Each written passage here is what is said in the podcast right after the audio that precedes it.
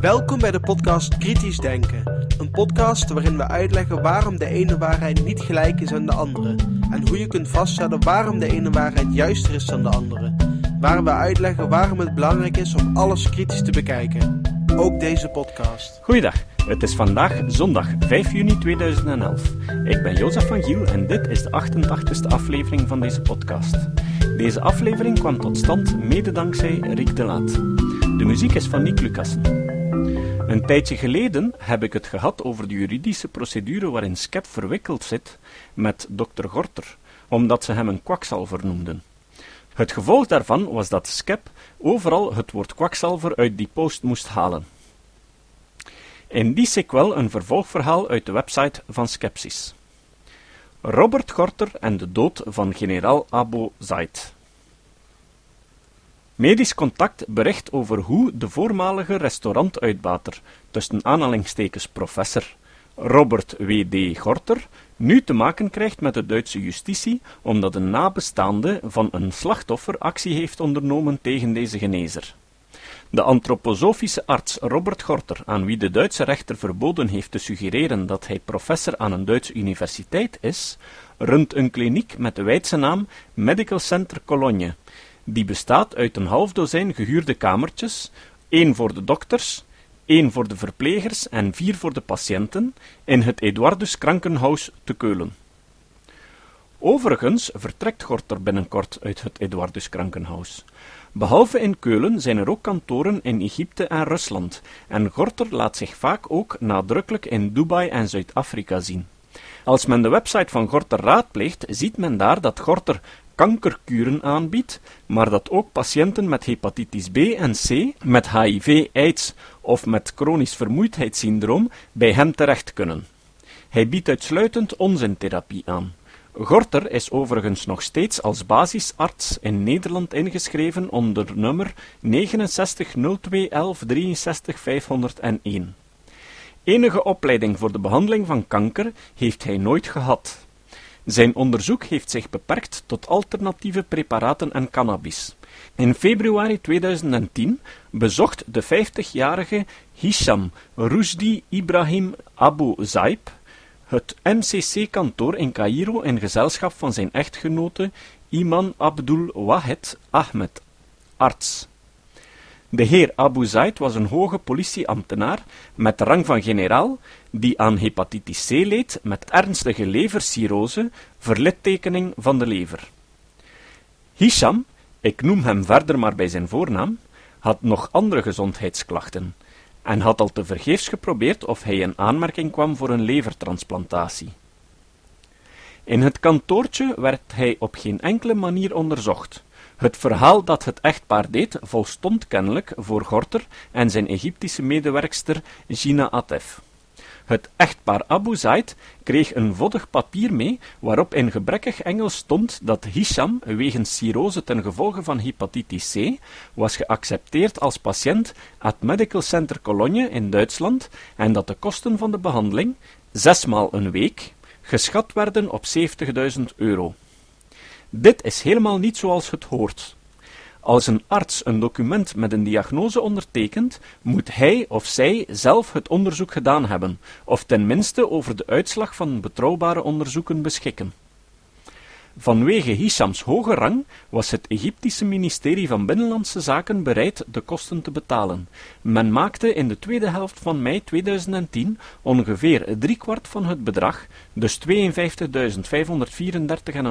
euro, over naar Gorter waarna het kantoor van Gorter een gespecificeerde rechnung stuurde voor 74.000 euro, met daaronder het verzoek om 52.534,5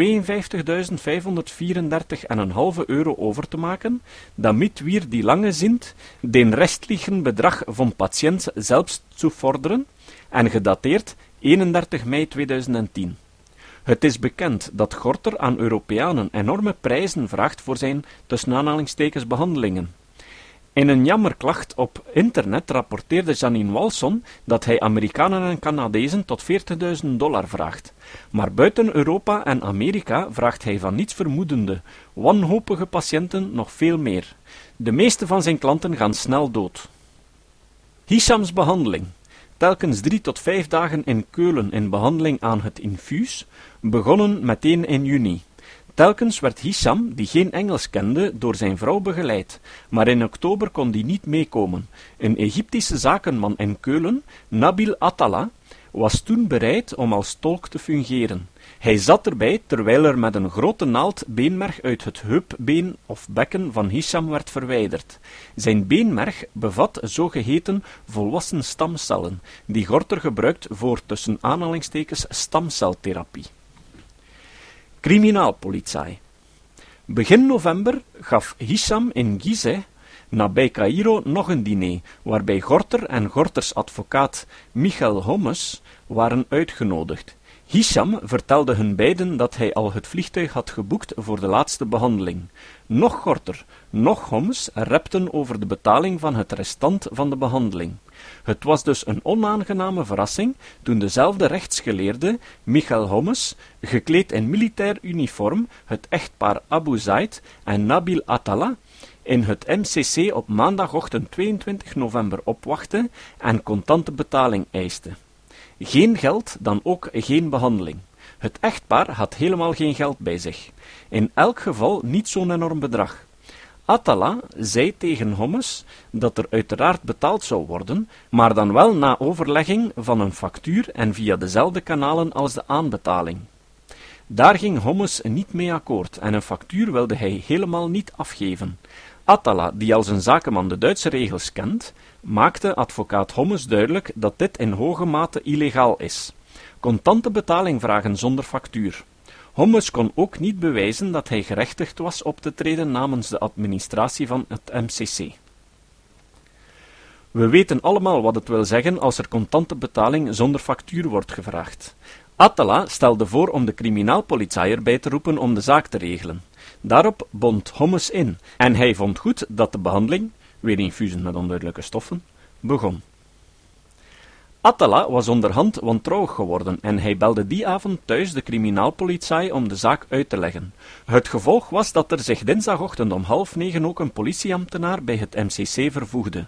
Na een gesprek met Gorters boekhouder Daniel Schneider kwam er dan toch een treatmentbudget op tafel dat iets afweek van de rechnung van 31 mei 2010 en dat uitkwam op een bedrag van 15.165,5 still to be paid. Aangezien Hisham het geld echter niet bij zich had, werd er niet behandeld.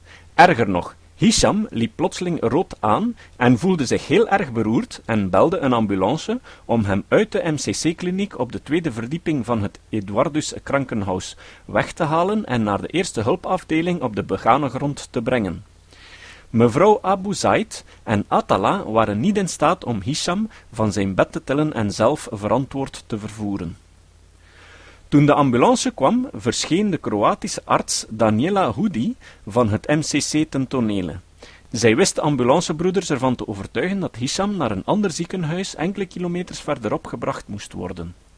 Daar bleek Hisham onder meer een gevaarlijk laag hemoglobinegehalte te hebben, maar het vreemde is dat dit ziekenhuis later wel vier verschillende rapporten afgaf over de gezondheidstoestand van Hisham en hoe en waarom hij daar terechtgekomen was, alle vier met dezelfde datum en ondertekend door dezelfde arts. Dood het MCC gaf ook nog een document af waarin in gloedvolle bewoordingen stond hoeveel therapie Hisham gekregen had. Ook therapieën die helemaal niet op rechnung of treatmentbudget stonden, alles bij elkaar 59 infusen. En hoe sterk hij verbeterd was. Citaat Overall, we can conclude that Mr. Zaid benefited tremendously from his treatment at MCC so far. Wel, Hisham was niet in staat zich over grotere afstanden zonder rolstoel te verplaatsen, niet bij aanvang van de behandeling en niet na afloop. Van de taxi naar de lift van het ziekenhuis was het maximum dat hij kon opbrengen. Hisham was begrijpelijkerwijs na thuiskomst nogal boos over de behandeling die hij had gekregen en gaf Nabil Attala op 7 december 2010 een volmacht om Gorter aan te klagen bij justitie. Attala ging meteen aan het werk. Hij was ook erg verontwaardigd, want in de korte periode dat hij Hisham had leren kennen, was hij zijn vriend geworden. Twee weken daarna moest Hisham worden opgenomen in de Police Hospital, 20 tot 31 december 2010, en vervolgens kwam hij op 9 januari 2011 in het Mahdi Egyptian Military Medical Center, waar hij twee dagen later stierf aan levercirrose die had geleid tot acute lage bloeddruk, ademhalingsinsufficiëntie, nierfalen en metabole acidose, de sterke zuurtegraad van het bloed. Maar merkwaardigerwijs ook aan vasculair gangreen in linkerbeen en rechterarm. Dat laatste kan allerlei oorzaken hebben gehad, zoals verstopte bloedvaten, infecties en diabetes, maar ook beschadigde aderen, door ondeskundig aanbrengen van infusen of lekkende infusen. Het Duitse Openbare Ministerie heeft de zaak in behandeling genomen. Voor zover bekend ziet de Ärztekammer dus de tuchtrechter, niets in het idee om Gorter op het matje te roepen.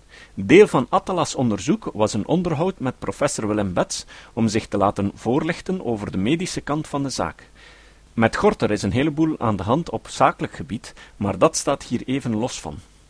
Ik was bij dat onderhoud aanwezig.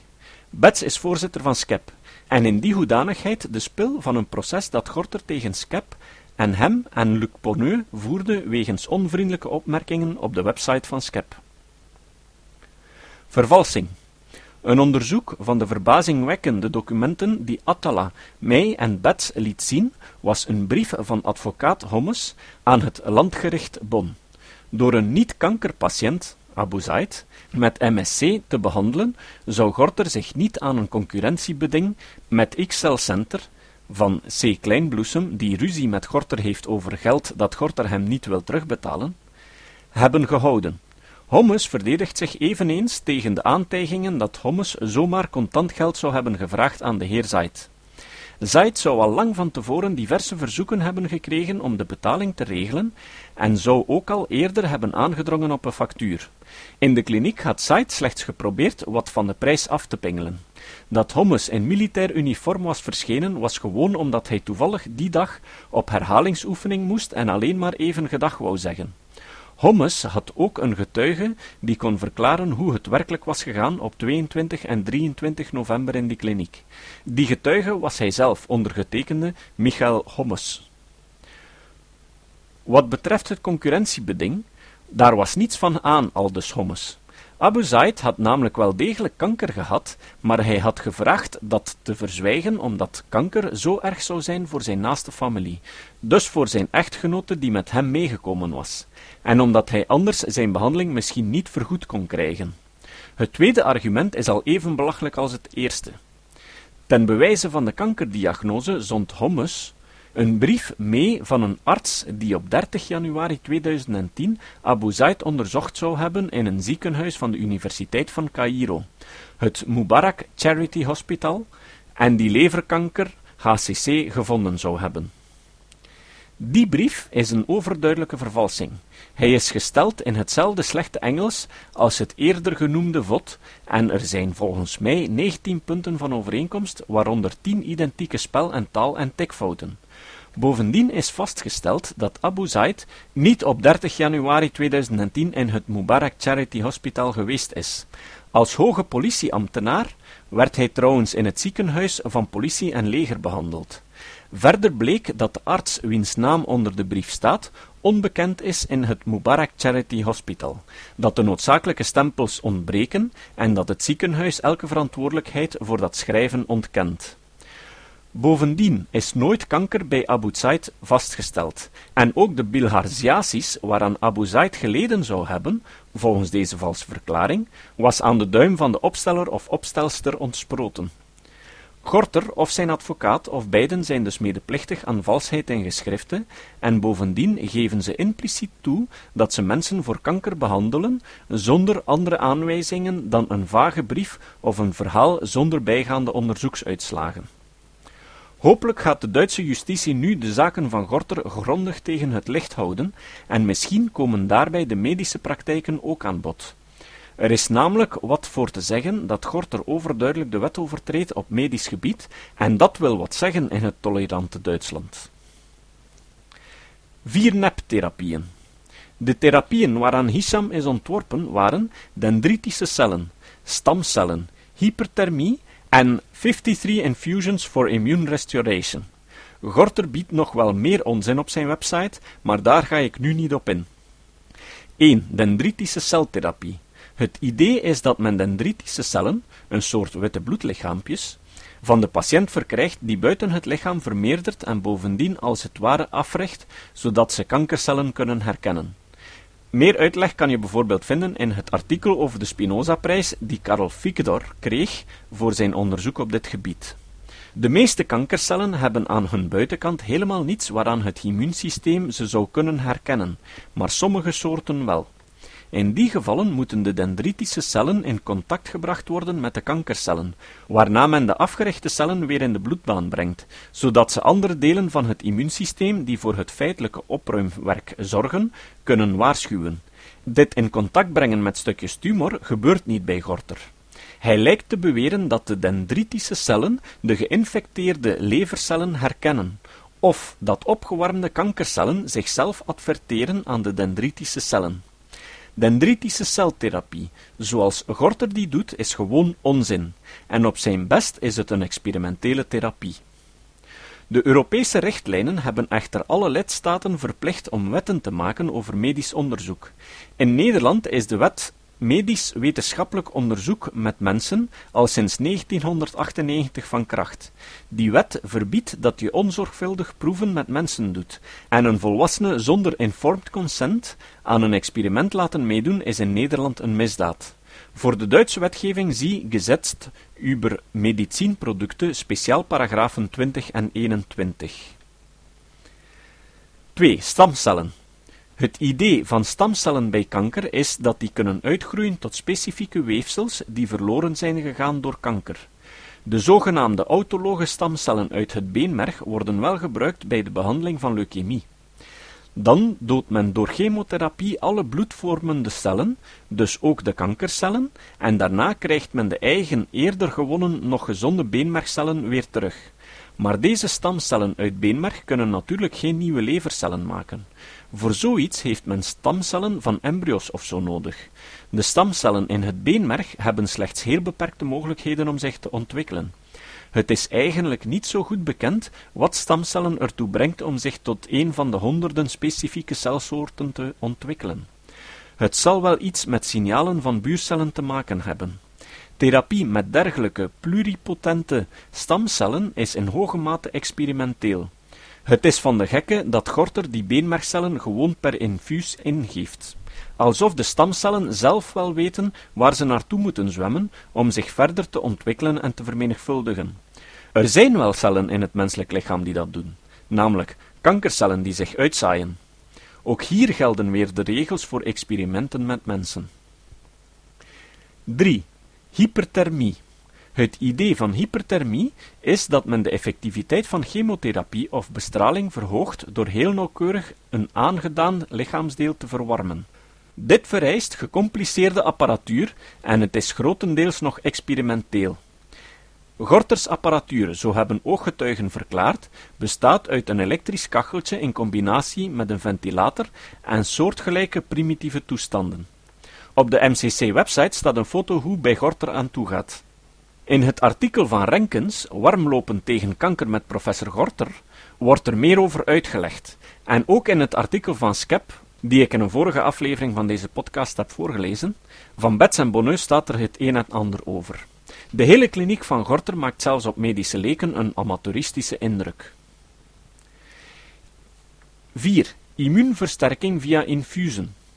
Dit is in zijn algemeenheid onzin. Het immuunsysteem is niet iets dat je kunt oppeppen zoals het hemoglobinegehalte met een bloedtransfusie. Voor de infectie met hepatitis C-virus bestaat wel een soort kuur die vaak werkt, maar het gaat met wekelijkse injecties met pechinferion in combinatie met capsules met een middel tegen virussen, ribavirine. Die behandeling duurt een half jaar. Daardoor gaat het virus wel weg, maar de leverbeschadiging wordt zo niet opgegeven. Het is niet duidelijk wat er in die infusen met immuunversterking heeft gezeten. De website van Gorter is er ook vaag over. Misschien vitamines en mineralen. Tussen aanhalingstekens ortomoleculaire middelen. Het is niet eens experimenteel. Het is gewoon volslagen onzin. Met dank aan Nabil Attala en Willem Bets. Geschreven door Jan Willem Nienhuis.